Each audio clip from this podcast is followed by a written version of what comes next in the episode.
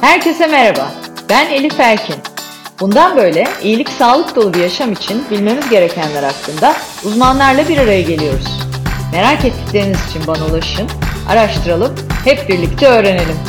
İyilik sağlık sohbetlerine hoş geldiniz.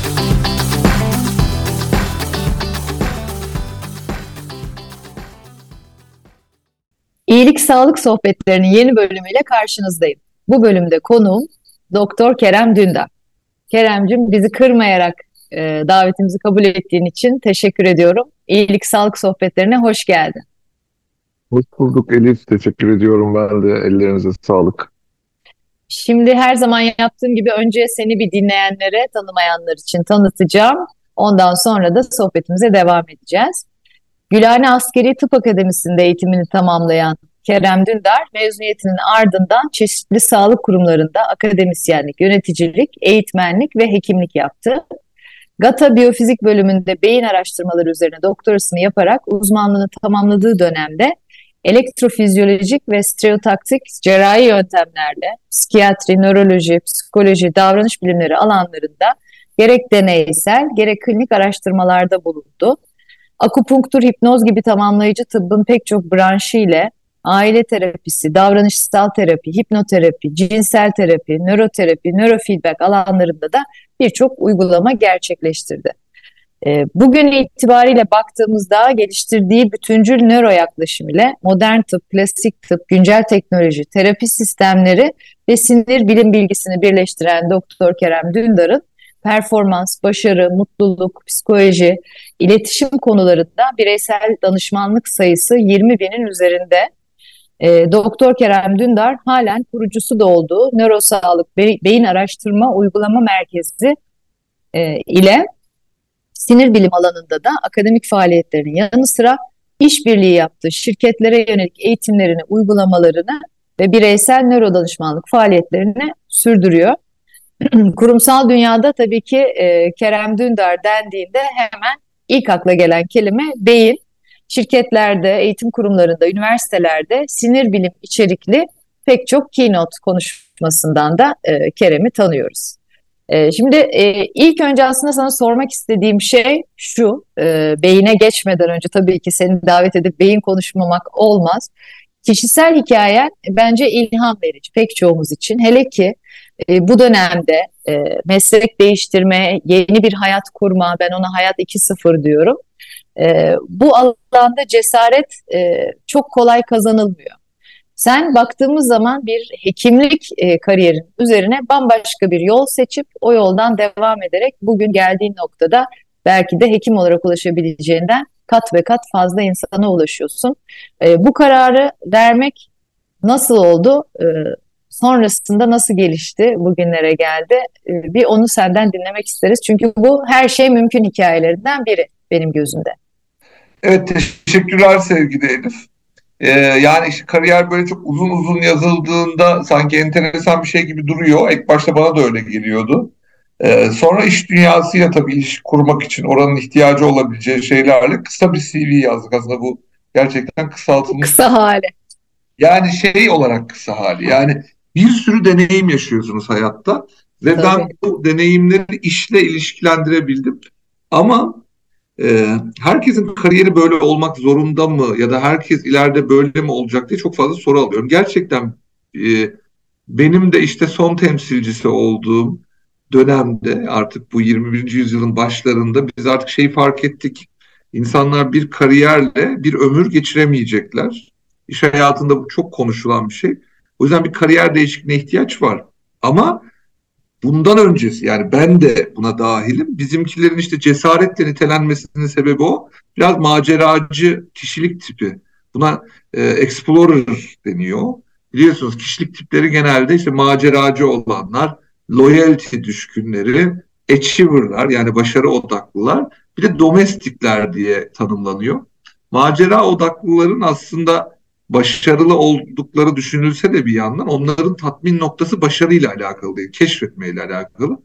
Ben yıllar içerisinde kişiliğimin böyle olduğunu, aslına bakarsanız hani böyle çok hedefli, planlı, işte bunu buradan yaparım, bir 15 sene beyinle ilgileneyim, işte birazcık böyle elektro fizyolojiyle ilgileneyim, stereotaksik cerrahiyim sonra gider işte bir bankada e, bankacı beyni nasıl çalışıyor onu anlatırım falan diye bir şey söz konusu değil.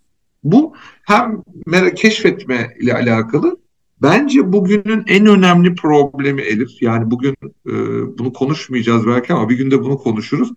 Ondan sonrası öğrendikleriniz, kazandıklarınız, deneyimleriniz bunların hepsini bir bağlama oturtmakla alakalı.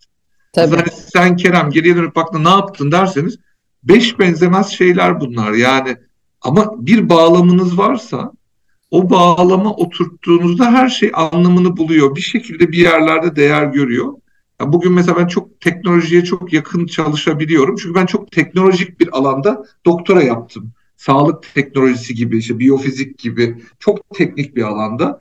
E bugün artık orada öğrendiğim oraya dair şeyleri kullanmasam da bir mindsetim var. Teknoloji, bunun gelişimi, işte yazılımlarla ilgili. İşte doktorluk e, son beş senedir herhalde sadece eşime dostuma e, hekimlik tavsiyeleri veriyorum. Artık doktorluktan para kazanmıyorum. Sadece o evet. emekli olunamayan bir meslektir doktorluk. Burada da eminim bizi bir sürü meslektaşımız dinleyecek. Çok da onur duyduğum, gurur duyduğum bir meslektir ama son beş yıldır artık hekimlik sadece benim hani genel kültürüm gibi arkadaşlarım istifade etti. Ama hayatın içerisinde bugün yaptığım şeylerin hiçbirini yapamazdım.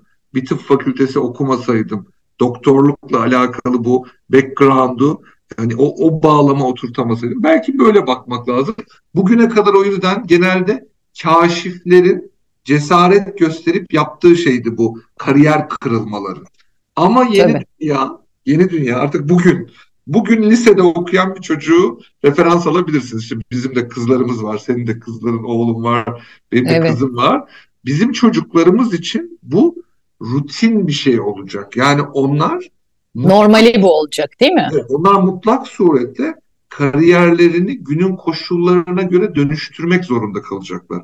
Öyle olunca kariyer artık meslek edinmekten çok farklı bir şeye dönüştü Elif. Yani bunu hiçbir zaman insanlar çocuğum doktor olsun, mühendis olsun falan gibi değerlendirmesinler. Teknolojik gelişmeleri takip edenler çok iyi bilecektir ki yapay zeka gibi bugünün kırılım yaratan teknolojileri önce meslekleri hedef alıyor. Çünkü meslek tanımlı bir şey ve tanımlı bir şeyi yazılıma çevirmek çok kolay eğer çocuklarımıza attitude'lar aşılayabilirsek, etik olmak, sorgulamak, iyi soru sormak, problem çözme becerisi, işte sanatsal bir algı, akademik bir bakış açısı sorgulayan dediğimiz bilimsel bir bakış açısı. Bu tip böyle basic şeyleri yüklersek o çocuk çağın gerektirdiği meslekler, sorumlulukların hepsinin altına girebilir. İşte çalışkan olmak, Değil mi? Sorumluluklarını yerine getiriyor olmak, tabii. zaman yönetimi yapıyor olmak. Mesela ben bununla ilgili eğitim yatırımlarını çok yetersiz görüyorum. Ve eğitimin aslında bu tarafta olması gerektiğini düşünüyorum. Herhalde Kesinlikle. biz bir dönüşüm dönemine denk geldik. Ya ben kısa evet. vadede artık konvansiyonel bir üniversite eğitiminin işte normal matematik öğrensin, Türkçe öğrensin gibi kısıtlayıcı bir e, ilk öğretim eğitiminin yerini daha davranışları düzenleyen, çocukları koşullara adapte olma becerilerini arttıracak yetkinlik bazlı temel eğitim modelleriyle değişeceğini düşünüyorum. Çünkü eğer bunları varsa birinin işte çocuklarımızdan öğreniyoruz değil mi? Tabii. Eğer bir konuda araştırma arzusu varsa, çalışkansa, üstesinden gelebiliyorsa bir takım o yılgınlıkların, ertelemelerin o çocuk zaten bilgiye erişimi çok kolay. Yani bu bilgi bazlı ve meslek bazlı kariyer hayatının yerine davranış bazlı, tutum bazlı bir kariyer yolculuğu, yolda yürüme şekli eşlik edecek. Ben hayatımda bunu böyle deneyimlemedim tabii ki. Ben hayatımda gerçekten meraklı olduğum için bu kadar kariyer değiştirdim. Ama bugün tabii ki o değişiklikleri tanımlarken yeni çağa dair de çıkarımlarda bulunabiliyorum. Bu hani her zaman tahmin edildiği gibi bir de çok zorlayıcı oluyor. Mesela ben Gülhane'den ilk ayrıldığımda babam bayağı böyle bir sene falan şey yapmıştı ya. Sen bir de doktorluk gibi bir mesleği asgari, as, yani doktor, gatayı bırakıp doktorluğu bırakıyorsun, askerlikten ayrılıyorsun falan. Yani bunlar çok da kolay şeyler değil. Yani öğrenciyken ayrılmadım. Yani ben 20. senemde meslek hayatım 20. senesinde tamamen ayrıldım. Şimdi baktığınızda kolay bir şey değil. Ama öte yandan işte bir gün Koç Holding'de bir eğitim konuş sadece Koç Holding'in CEO'larının katıldığı bir konuşmadaydım. E, sağ olsunlar beni de davet etmişler. İşte bir, iki yabancı konuşmacıyla birlikte orada bir konuşmanın sonrasında holdingden babamı aramışlar. O da eski bir koçludur. Beni arayıp şey dedi. Ne yaptığını bilmiyorum ama çok önemli bir şey yapıyor olman lazım dedi. Mesela o gün Süper. valide etmişti. O yüzden de bu tip şeyler mesela hani bir çocuğun doktor olmasına ebeveynin ne kadar destek oluyorsa bir çocuğun kariyer sıçramalarına da o kadar köstek oluyor. Yani buradan da hani ebeveynlere bunu hatırlatalım. Çocuklar bunu artık hem toplumun beklentilerine rağmen hem işte orada işte maaştan çıkıyorsun, özel hayatın başka bir şeye dönüşüyor, iş hayatın başka bir şey. Bir de e, ailesinin bu konudaki engellerine rağmen yapmaya başlıyor. Belki yeni evet. dünyada bu da değişecek. Yani çocuklarımızı cesaretlendireceğiz. Kızım tamam üniversite öyle okumak zorunda değilsin diyeceğiz. Tamam sen yazılım öğrenip ondan sonra yazılım mimarisi öğrenip tamam sonra üzerine sanat okuyup falan diye başlayan evet evet çocukların bize getirdiklerini accept eden, kabul eden bir ebeveyn modeline döneceğiz diye yeni dünya bize öyle sinyaller veriyor itiraf etmek gerekirse. Kesinlikle katılıyorum. Ee, çok kıymetli e, tam da soracağım şeyleri sormadan yanıtladın. Yani burada bizim çocuklarımızın yanında olmamız lazım. E, adaptasyon yeteneği de bence saydıklarının e, yanında çok önemli bir e, yetkinlik vermemiz gereken onlara hayatla mücadelede ve esnek olabildikleri sürece e, böyle, hep de görüyoruz yaşamda. Pardon Harika. yani Pardon. Yo yo şey söyleyecektim. Ee, hani hayatta hep şunu görüyoruz. Başarılı insanlar, mutlu insanlar yapmaktan keyif aldıkları şeyi yap, yaptıkları zaman e, kendilerini gerçekleştirdikleri, kendi iç kaynaklarıyla örtüşen işleri gerçekleştirdikleri zaman bunu ortaya koyuyorlar. Şimdi sende de öyle 20 yıl beyin çalıştın ama artık hani e, beyin konusunda evet işin temelini, teorisini de biliyorsun ve de o dediğin bağlamları da kattığın zaman işin içine bu sefer benzersiz bir şey ortaya çıkıyor.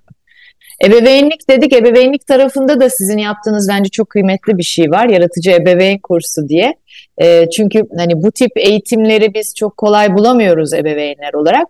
Bir e, bambaşka bir gözle bakma. Hani tam olarak kutunun dışında düşünme aslında. Kalıpsal anne baba olarak ya bir hep vardır ya söylenen örnek. E, müzik aşkı olan bir çocuğa tamam sen mühendis ol da ondan sonra müziğini yine yaparsın hikayesi. E, yani o anlamda da yaptığınız şey çok kıymetli bence. Yani şu bir iki tane şey söyleyeyim şimdi senin söylediğin. Bir tanesi mesela adaptasyon yeteneği dediğimiz şeyin e, insanın beyninin yani bir zihnin oluşmasının temel gerekliliği olduğunu unutmak lazım. Ama adaptasyon bir meta beceri. Yani adaptasyon artık bir beceri değil de meta beceri. Mesela adaptasyonun altında çok gayretli olma yatıyor meraklı olma yatıyor, sorgulama yatıyor, alınan verileri işleme yatıyor. Acayip bir iletişim becerisi ihtiyacı yatıyor. Bunların hepsini evet. bir araya getirdiğinde adaptasyon artıyor. Mesela bunlar çok detaylı incelenmesi ve insanlara öğretilmesi gereken şeyler ve biz bunların hiç öğretilmediğini fark ettik. Yani çocuklara tabii teorik bir sürü şey anlatılıyor. Bir de enteresandır. Bak sana ilginç bir şey söyleyeyim Elif. E, yaratıcı ebeveyn bizim sosyal girişimimiz. Biz kendi ben yani bu iş hayatında sağ olsun şirketler bize çok tevazu gösterip de e, davet ettikçe biz oradan doktorlukta hayal edemeyeceğimiz paraları kazanınca doktor insanlar o kadar parayı ne yapacaklarını bilmedikleri için biz dedik ki topluma geri bununla ilgili bir şey yapalım. Yaratıcı ne güzel. proje. Give Back güzel. projesi. Ebeveynlik aslında şöyle bir kurum. Ebeveynlik çocuğun temel eğitiminin en temel sorumlusu. Yani bizim eğitim yatırımımızın belki de yüzde ellisini ebeveynlere aktarılabilir. Pek bir eğitim yatırımımız yok korkarım o yüzden. Bu tabii, tabii insanları kalbini kırmasın ama ebeveynliğe yatırılıyor olması çok önemli. Genelde bunu insanlar şöyle zannediyor. Hocam ebeveyn olmak için bir ehliyet verilmesi lazım falan. Öyle bir şey yok tabii ki arkadaşlar. Yani anne baba olmanın bir ön koşulu olsun. Çünkü yanıldığımız nokta şu Elif. E, testle geçtilen bir ebeveynlik ehliyetinin iyi ebeveyn olma garantisi yok. Çünkü biz testle çok başarılı olmuş ebeveynlere genelde ebeveynlik anlatıyoruz. Yani hayatın içerisinde bütün testleri çok iyi geçmiş, eski sorulara çok iyi çalışmış, ona ödevleri çok iyi yapmış ama yine de çocuğuna karşı yapılması gerekeni doğru yapamıyor. Bu kötü niyetle tabii bir ebeveyni patolojik bir durum olmadan ilişkilendirmek mümkün değil. Burada bazen iyi niyet çok zorlayıcı oluyor. Evet. Ebeveynle o konumu tekrar hatırlatmak çok önemli bir ödevdi. Biz tabii e, çok fazla bu konuda başarılı arkadaş var. Biz onların hepsini modelledik. Derdimiz çok temel bir yani çocuğun beyniyle alakalı, çocuğun psikolojik hastalıklardan korunmasıyla alakalı, işte aile içinde konuşulmaktan imtina edilen, boşanma gibi, cinsellik gibi konuların çocuğa aktarımı ile alakalı çok temel içerikleri bir araya getirdik. Ebeveyn olma kararı vermekten başlayarak ve bunları beyaz yakalı ebeveyn anlatmaya karar verdik. Evet. Yani derdim çünkü benim tabii hani esas ekosistem iş dünyası olduğu için beyaz yakalı ebeveyn de şöyle bir sorun var çünkü. Yani hepimiz öyleyiz. Çocukları için çalışan, kazandıkları kaynağın bugün özel okul fiyatlarında hesaba katarsan kazandıkları Sorma. kaynağın çoğunu yeniden çocukları için harcayan ama çocukları mutsuz olan Evet. bir türlü tatmin olmayan ebeveyn modeli. Yani bunları çok iyi tanıyoruz tabii. Zamanla ilgili sürekli bir kaygısı olan, çocuğu için zaman harcayıp çocuğuna zaman ayıramayan bunlarla ilgili çok sade, çok anlaşılır. Hani böyle e, ebeveynlik zor bir şeydir gibi değil de ebeveynlik aslında bunların dışında rahatlatıcı, kolay taraflarıyla da çok kavranılabilir diye anlattığımız bir sosyal girişim. Ben evet. orayı dünyada şu anda yaratıcı ebeveyn global yaptım. Londra'ya taşınıp London School of Mind'ı da açtığımızda burada beyin dostu şirketler de biliyorsunuz şirketimiz. Orada Tabii. London School of Mind oldu. O ebeveynle ilgili konuyu da yaratıcı ebeveyn global yaptık. Dünyada göçmen tüm ebeveynlere ulaşmayı hedefliyoruz. Türkçe ebeveynlikle ilgili temel eğitim. Çünkü her coğrafyanın ihtiyacı farklı. Mesela buradaki çocuklarla ilgili problemler daha çok eğitimle alakalı gibi dursa da yurt dışında da hani bu konuların çözüldüğü yerlerde işte bağımlılıkla ilgili ciddi problemler Tabii. var. Akran zorbalığıyla ilgili ciddi problemler var. İşte aileyle iç iletişimle ilgili falan. Ayrımcılık, yani, kapsayıcılık. Bravo. Tabii yani, yani her yerin derdi başka. Tabii. Öyle tabii. baktığımızda hani bu şey bu işe niye girdiniz? Bu iş biraz ihtiyaçtan çıktı işte. Yani şirketlere gittik. Ebeveyn kimliklerinin huzursuz gördük.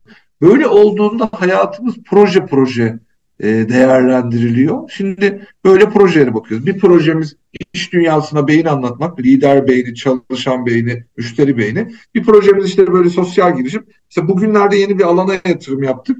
Biz bunların hepsini anlatıyoruz ama bir de bunların uygulamaları olsun, well-being'i olsun diye. Şimdi yeni bir restart hareketiyle de hayatı bir resetlemeleri için insanlara bu anlattıklarımızı nasıl uygulayacaklar onları da anlatıyoruz. Yani ben evet. kendimi o manada hani artık kariyer değiştiriyor gibi değil, ihtiyaçlara yanıt veriyor kendi durduğu yerden gibi bir proje ofisi gibi konumluyorum. Türkiye'de de işte Londra sayesinde dünyanın geri kalan kısmında da. Çok da kıymetli, e, çok güzel bir şey söyledin. Bağlama oturtmak önemli. O bağlam ve hayat amacın doğrultusunda karşına çıkan fırsatlar zaten yolculuğu da şekillendiriyor.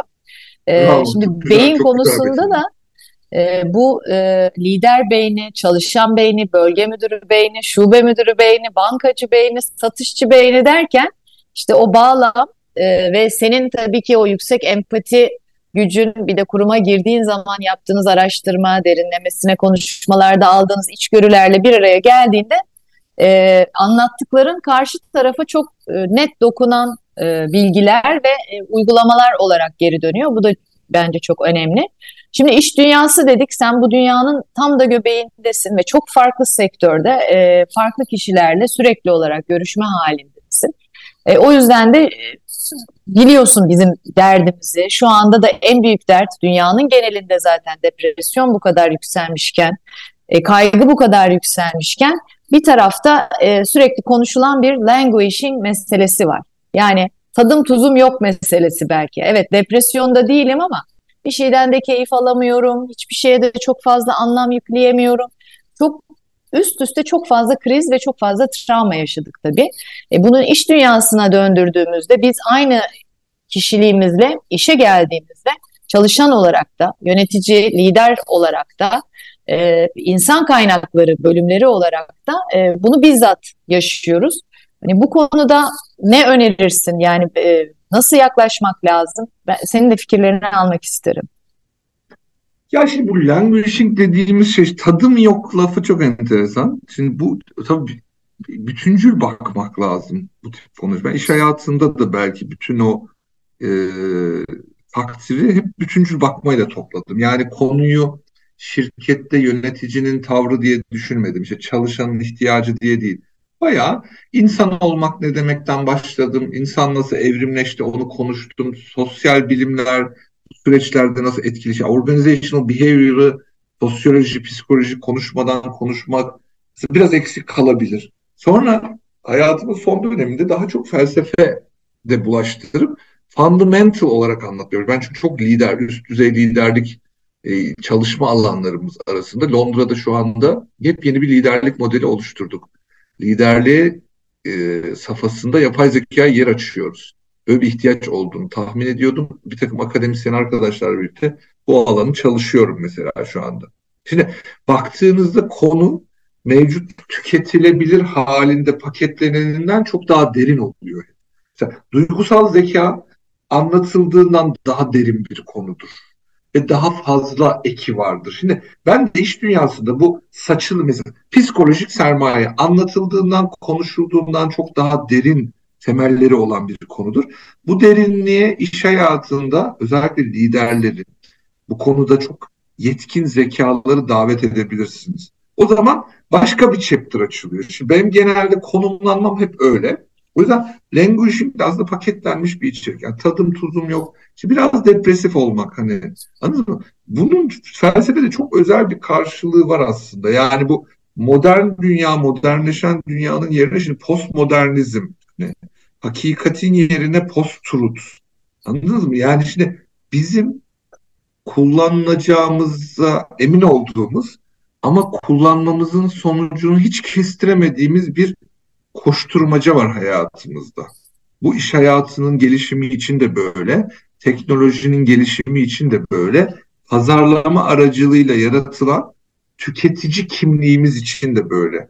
Yani biz insan olarak acaba bu koşturmacaya eşlik edebilecek miydik? Birinci problem buydu.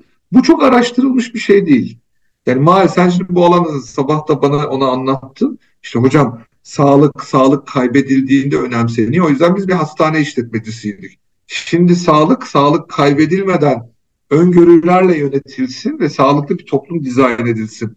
Böyle bir hevesimiz oldu. Aslında hastanecilik işimiz çok iyi giderken, her şey çok yolundayken böyle vizyoner bir adım attık. İşte Life Club diye bir şey tanıtıldı bana. Değil mi? Yani bu bir süper Aynen. app olmuş ve bu süper app'in içerisinde bizim hekimler tarafından çok bilinip mesela hekimlikte ameliyat yapılır. Ama karaciğer diyeti de verilse iyi olur denir falan. Yani işte anladınız mı? Böyle koruyucu hekimlik çok önemli olduğuna dair bir söylenti vardır ama ben hiç halk sağlığı dersinden panik yaşayan tıp doktoru görmedim. Yalnız? Koruyamadım diye. Bravo. Yani böyle yani koruyuculuğuyla önemiyle gündemde tüketilebilirliği arasında bir e, tahmin ettiğimiz korelasyonun olmaması söz konusu. Şimdi bunun aynısının e, insanoğlunda da bir karşılığı var. Yani insan yani işte acaba ben bütün filmlere evde ulaşsam sinemaya gitmeye gerek kalmasa diye Netflix'i bulunca bütün filmler elimizin ucunda yani ve iyi de bir işte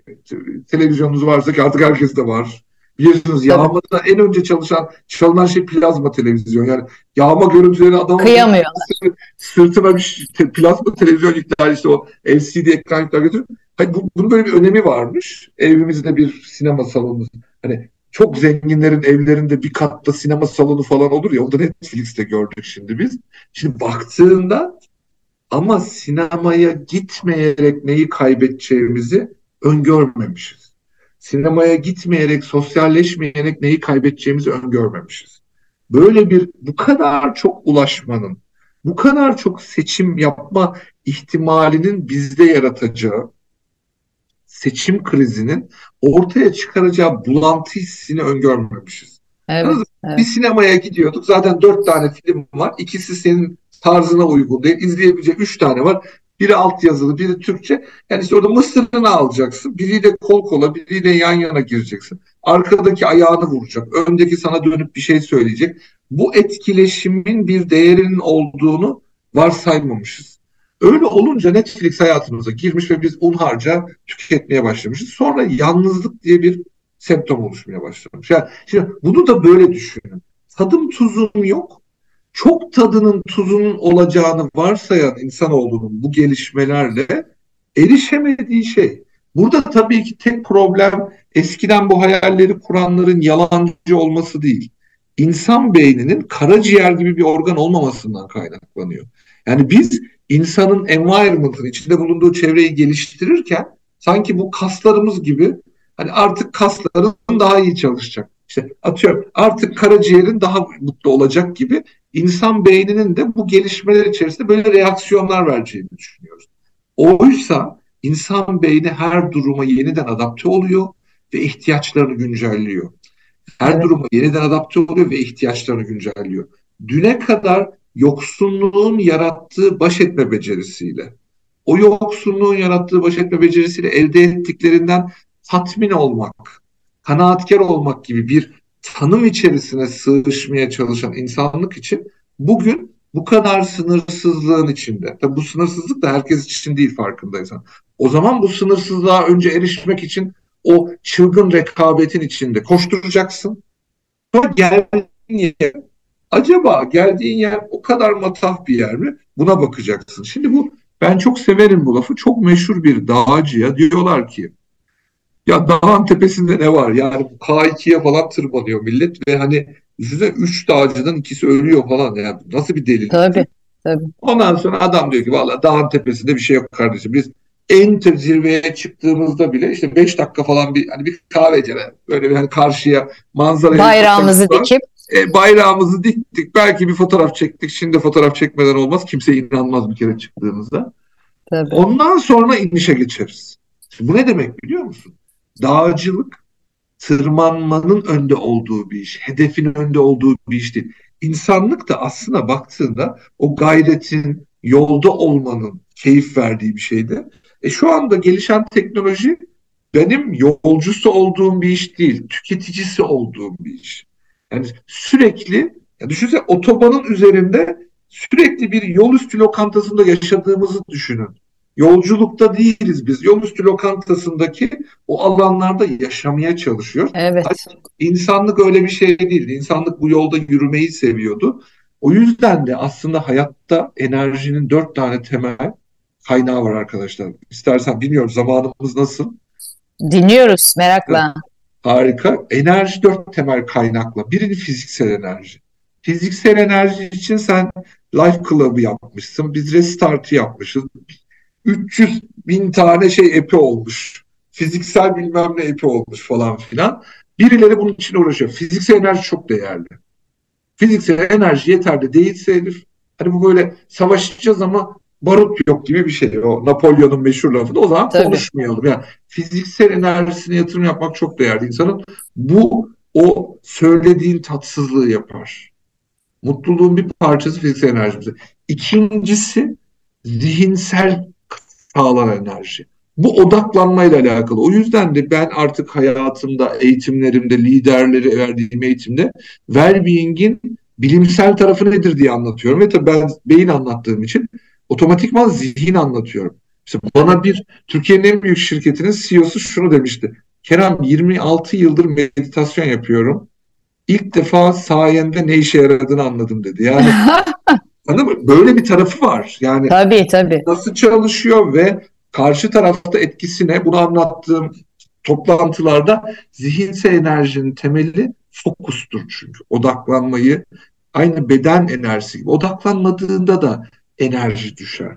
Üçüncü enerji kaynağı duygusal regülasyon. Bu duygu ne demek? Bu duygunun işlevsel karşılığı ne? Ben bu duyguyla ne yapacağım? Ben bu duyguyla ne yapacağım bilgisi bence bir insanın olgun hayatında ergenlikte duygular kısıtlı ne yapılacağı da çok belli Orada dürtüsel. Evet, Ergenler orası, dürtüsel. Duygu, evet orası çünkü daha çok dürtü ama erişkin hayatında enerjisinin en önemli kaynağı. Ben bu duyguyla ne yapacağım? Bu duygu nedir? Bu duyguyla benim aramda kurulabilecek ilişkine ve aslında dördüncüsü purpose'ın yarattığı enerji. Yani evet. Tıpkı bizim Kurtuluş Savaşımızda ya biz geri evet. dönüp baktığımızda bu adamlar bunu nasıl yapmış dediğimizde ya da o günün koşulları, şartları Purpose da inanılmaz bir enerji sağlıyor. Ama Purpose'ın enerjisinin çok özel bir tarafı var. Eğer ilk üç enerjiyi bir an evvel toparlamazsam purpose'ınki çok yüksek olmasına rağmen sürdürülebilir değildir.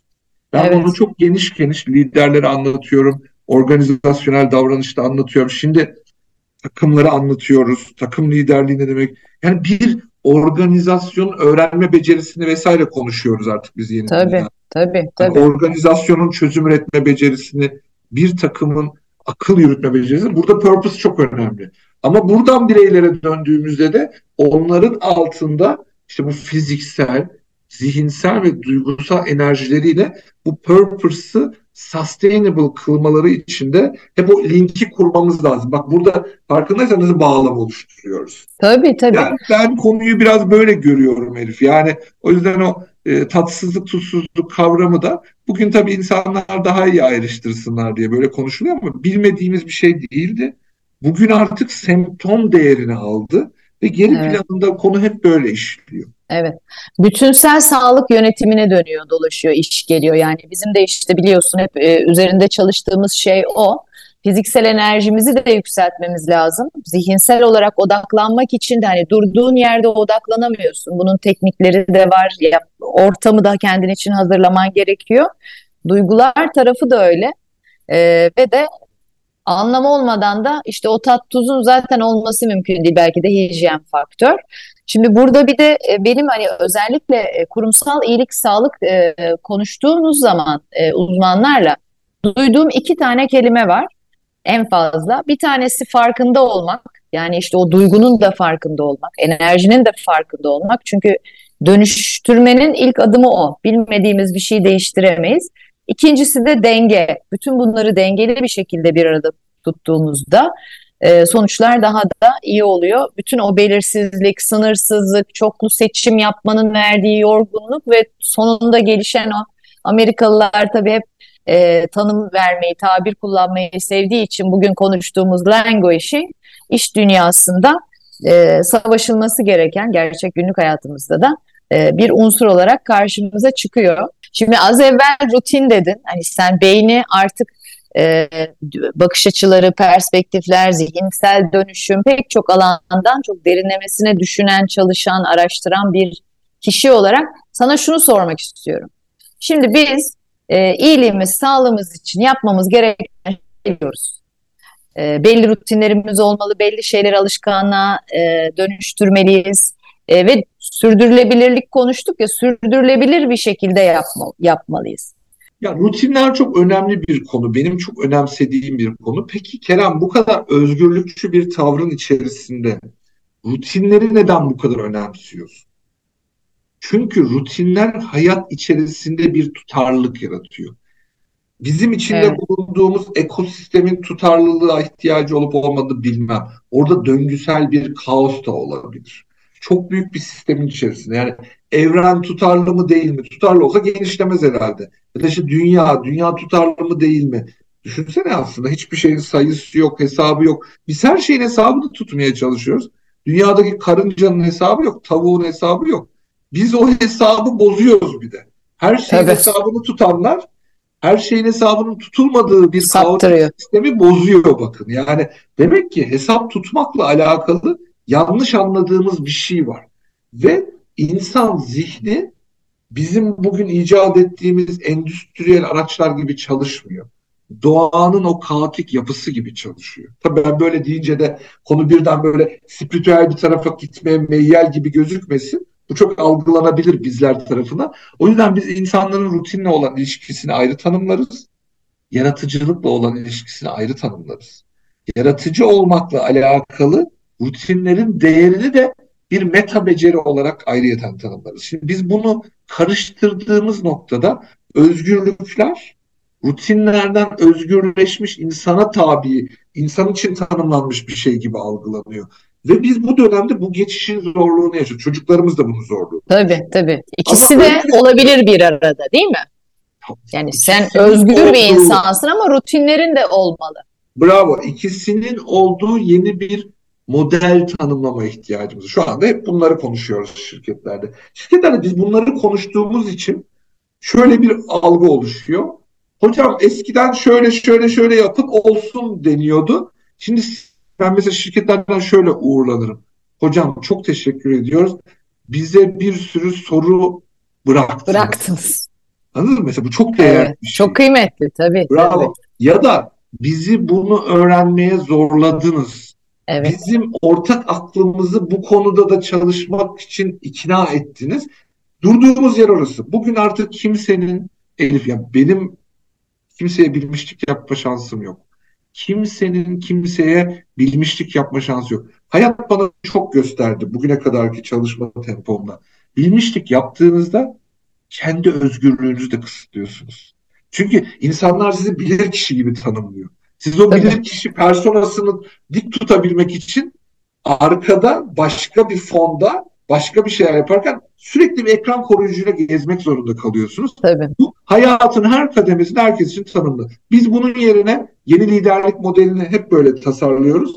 Bir de aslında liderlikten bir organizasyondaki hiyerarşiden çok bireyi, bireylerden oluşan grupları, toplulukları, organizasyonları önemsiyoruz ve ben bu tarafa doğru gittiğini görüyorum dünyanın. Bu Evet. ben zihnimize çok yatkın ve uygun. Şimdi böyle olunca tabii birazcık böyle muallak bir şey oluyor. E peki bizim çocuk sınava girmesin mi? Ya da işte bizim çocuk çalışmasın mı? Ya da hocam ne yapayım ben bunların performansını ölçmeyeyim mi gibi? Hayır. Ölçülmeyen şey yönetilemez. İnsanın da feedback alma hakkı var. Organizasyonların da feedback'te gelişme durumu söz konusu. Peki bu feedback'i nasıl alacağım? İşte bugünkü gibi değil. Bununla ilgili şirketlerde, eğitim kurumlarında, dünyada da karşılığını yapıyoruz. Bu performans sistemlerini güncelliyoruz. Feedback mekanizmalarını güncelliyoruz. Ben tabii ki daha çok konuşmalar yapıyorum. Geri planında ama pek çok şirketle tabanda ekiplerle bunları da çalışıyoruz. Sizin Evet. yaptığınız Life Club işi de bana birey için böyle bir dönüşüm vaat ediyor gibi geliyor. Hani Doğru. organizasyonlar için biz daha holistik bir şey anlatıyoruz. Evet. Ama kişiye de sorumluluğunu daha çok tanımlıyoruz. Bak bunu ben doktorum bir kere yani. Do- doktorun şöyle bir şey de hasta olur, doktor olur gider tedavi eder. Şimdi bugün doktor o sorumluluğunu, o responsibility'sini hastayla paylaştı.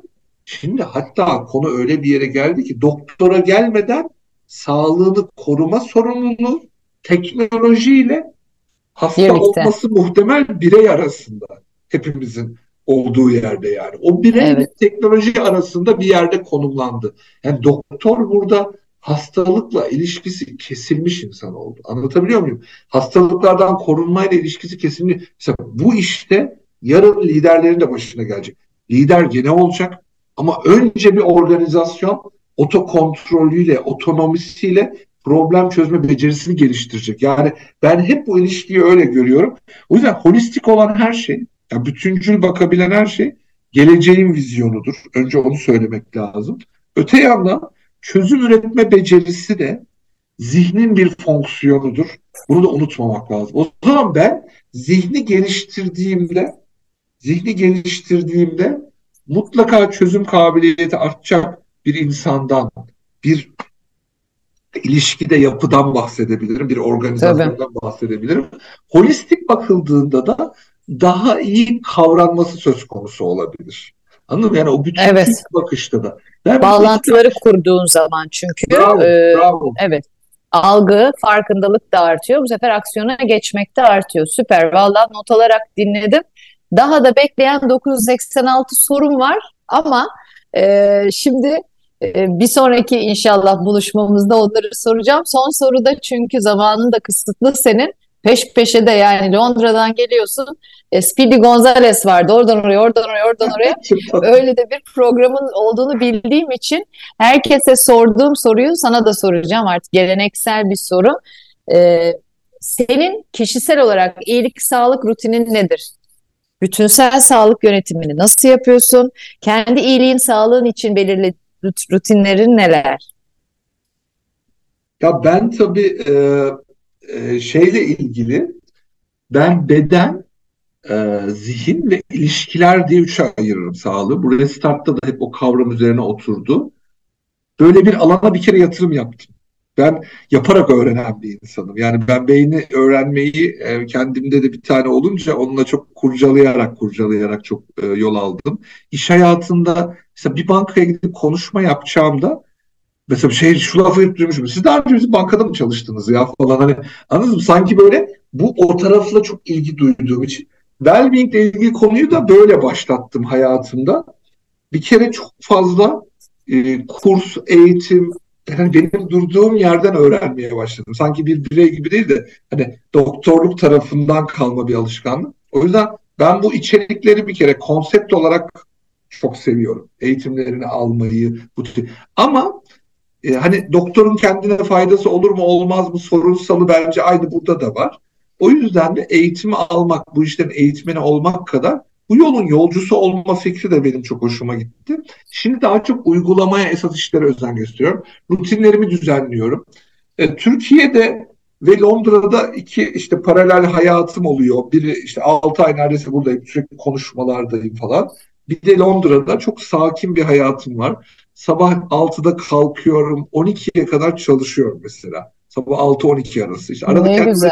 Kendime böyle kahvaltı falan hazırlıyorum. Sonra mutlaka öğlen bir görüşme oluyor. Akşam bir görüşme. Öğlen bir konuşma, akşam bir görüşme oluyor falan. Ama mesela burada o kadar değildim.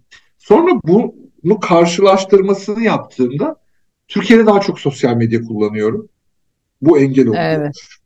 Türkiye'de evet. daha fazla konuya temas ediyorum. Sadeleşmemiş bir hayatım var. Siyasete de bakıyoruz. İşte Tabii. Bir sürü insanla konuşuyoruz. Bir kere Türkiye'de telefonum çok daha fazla çalıyor. Sürekli evet. beni arıyor. Türkiye'deki iş tempom daha yüksek. Çok fazla. Evet. Türkiye'de bir şeylere hayır diyemiyorum çünkü Türkiye'deki insanlar hayır deyince kırılıyor. Mesela hayır. Bunların hiçbir bunların hiçbirini yurt dışında yapmıyorum. Anladın mı? Evet. Öyle olunca otomatikman orada bak, yani, yani ben aynı Kerem olarak bayağı sınırın bu tarafında koşturan eden vitamin eksiğim kaldı benim diyen ama vitamin hapını içemeyen uyku bozukluğum var deyip uyuyamayan falan. Yani uyku bozukluğu bilmem ne gibi bir sürü semptomu hayatın koşturmacası içerisinde tanımlayan yani mesela burada tasit kullanırım ara sıra. Ya gümrüğü geçiyorum Londra'ya normal oh. ertesi gün sabah Kuzu. normal bir insan mutlaka bir yerden bir yere geçer giderken bir yürüyüş yapıyorum falan. Yani hani şimdi bu e, Almancılar vardır da yurt dışına gidince ülkesini beğenmeyen tipler. İşte öyle de değilim. Ben çok böyle vatansever tarafını muhafaza etmiş işte eski askerlikten de kalma belki. Hep o tarafıyla da böyle bilinen biriyim ama ya bir şekilde bunun oradaki ağaçla, kuşla, böcekle ilgili olduğunu zannetmiyorum.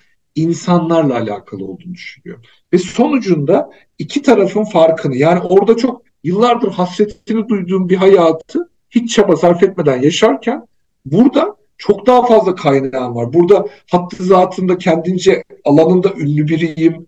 Ekonomik olarak buradaki refahım çok daha yüksektir. Yani karşılığım çok daha fazladır burada. Ama diyorum ki acaba hayatta bunların hiç mi bir önemi yoktu? Çünkü onların hepsinden arınmış başka bir hayatta da çok Mümkün. aslında arzu ettiğim yerdeyim. Şimdi temelde iki tane şeye bunu şey yaptım. Bu iki farkı şöyle indirgedim ben. Birincisi Orada insanlar çok özenli. Su içerken de çok özenli. Ve bu sizin zihninizde başka bir parantez oluyor. Burada o kadar özenli değil insanlar. Hattı zatında ben de onlardan biri oluyorum tabii ki. İkincisi orada insanlar çok saygılı birbirine. Şimdi bu saygı yani o ona bağırmıyor falan gibi düşünmeyin.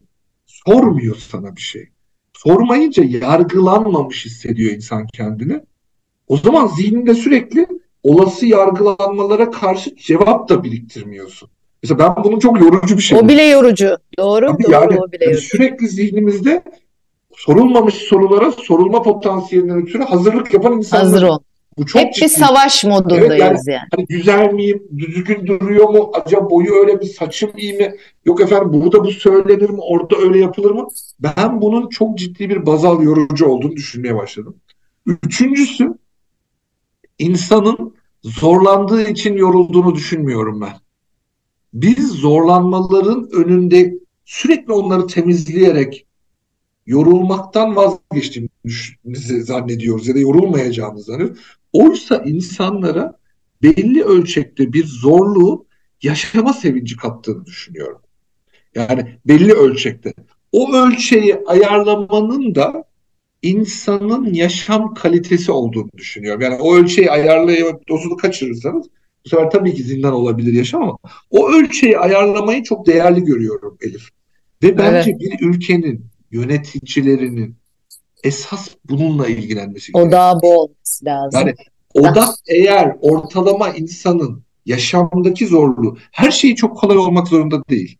Biz enteresan bir şekilde ya paramız yok salam alacak ama aç bitir salam bize 10 dakikada gelmek zorunda falan. Yani böyle bir kaosla yaşıyoruz anladın mı? Yani bu ne evet. periz bu ne lahana turşusu denebilecek. Çelişkilerimiz çok. Bravo. Çelişkilerimiz çok. Çelişkinin zihindeki karşılığı o bilişsel çelişki dediğimiz şey de mesela çok yorucu. Yani böyle bir tarafı var bir de böyle bir tarafı var. Ben bunların normalize edildiği, normal insanlar olunan yerlerde normal insan olarak hayata devam etmenin e, deneyimini iki yıldır yaşadım. O yüzden de bunu böyle paylaşıyorum. Ama bunu hala düşünüyorum. Yani çözdükçe de anlatıyorum sizlere. Ya bunun burada olamamasının sebebinin zannettiğimiz şeyler olmadığına eminim. Yani zannetmediğimiz çok daha basit çözümler var. O yüzden ben gelecekten çok umutluyum.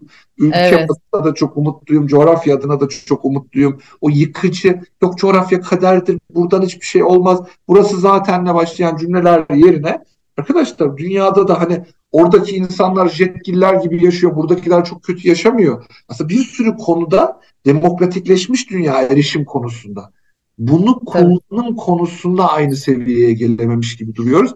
Bu da bence çok ciddi temel eğitim dönüşümleri değişiklikleriyle olacak. Ben umudumu bu manada yurt dışına gittiğimde daha da canlandırdım. Hani buradan belki de herkese bu mesajı da vererek bitirelim. Yani bu daha umutlu olmamız için beni motive etti. Yani aradaki farklar zannettiğimiz gibi çok büyük değil, telafi edilemez tabii, değil. Tabii, tabii. Aksine çok daha kabul edilebilir, çok daha anlaşılabilir, çok daha yönetilebilir. Birazcık niyetle alakalı bir durum var.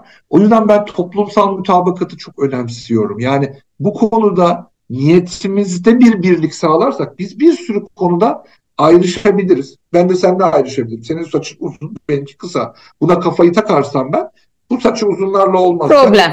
Tabii. Bu saçı kısalarla olmaz. Onun yerine bakalım asgari özgürlüklerimiz, asgari huzurumuz, optimal düzeyde bir yaşam kalitemiz, bunun çevresinde dolanan beklentiler ve bunu karşılayabilecek liderlerle iş hayatının da çok iyi olacağını düşünüyorum. Tabii. Sosyal hayatın da dönüşeceğini, kültürün dönüşeceğini düşünüyorum. Hayatın geri kalan kısmıyla ilgili sorunların kendiliğinden çözüleceğine inanıyorum. Bunu da harika. sevgili dinleyicilere iletmiş olalım. Harika, harika bir kapanış oldu. Ee, aynen öyle. Umudumuzu hiçbir zaman kaybetmiyoruz geleceğe dair. Ee, öyle de bir e, ülkeyiz bence. Öyle insanlarız bütününde. Ne yaşarsak yaşayalım. Ee, bu da çok kıymetli. Bizi ayakta tutuyor. Çağlar boyunca buradan ne medeniyetler geldi geçti. Hepsi de dev dünyaya izini bırakmış medeniyetler. Ee, o anlamda da e, enseyi karartmaya gerek yok. Ben de bireysel olarak kontrol edemediğimiz şeylere odaklanıp onların bizi kontrol etmesine izin vermek yerine kontrol edebildiklerimize odaklanıp hayatı nasıl daha da iyileştiririz, e, o doğrultuda ne yapabiliriz, e, o öyle bakmamız gerekiyor diye düşünüyorum. İyi ki geldin, e, harika oldu. E, yine gel, diyorum ve çok teşekkür ediyorum iyilik sağlık ben sohbetlerine geldiğiniz için. Yolda Life Club'la e, ben hem takip edeceğim. Konu çok hoşuma gitti. Öte yandan çok başarılı olmasını arzu ediyorum. E, ya çok keyifli süreceğini düşünüyorum bence. Çünkü burada asgari olan o söylemediğimiz niyet çok güzel oturtulmuş. Dünyadaki evet. teknolojik ve sosyal gelişime çok akredite bir konu. O yüzden de ben bunun geleceğinin çok parlak olacağını düşünüyorum. Kolay gelsin tabii ki. Yani çok böyle teşekkürler. başlarında biraz zordur ama sonrasında çok hızlı ve e, güzel gelişecek diye inanıyorum. Görüşmek. Çok dileğiyle. teşekkürler. Görüşmek üzere.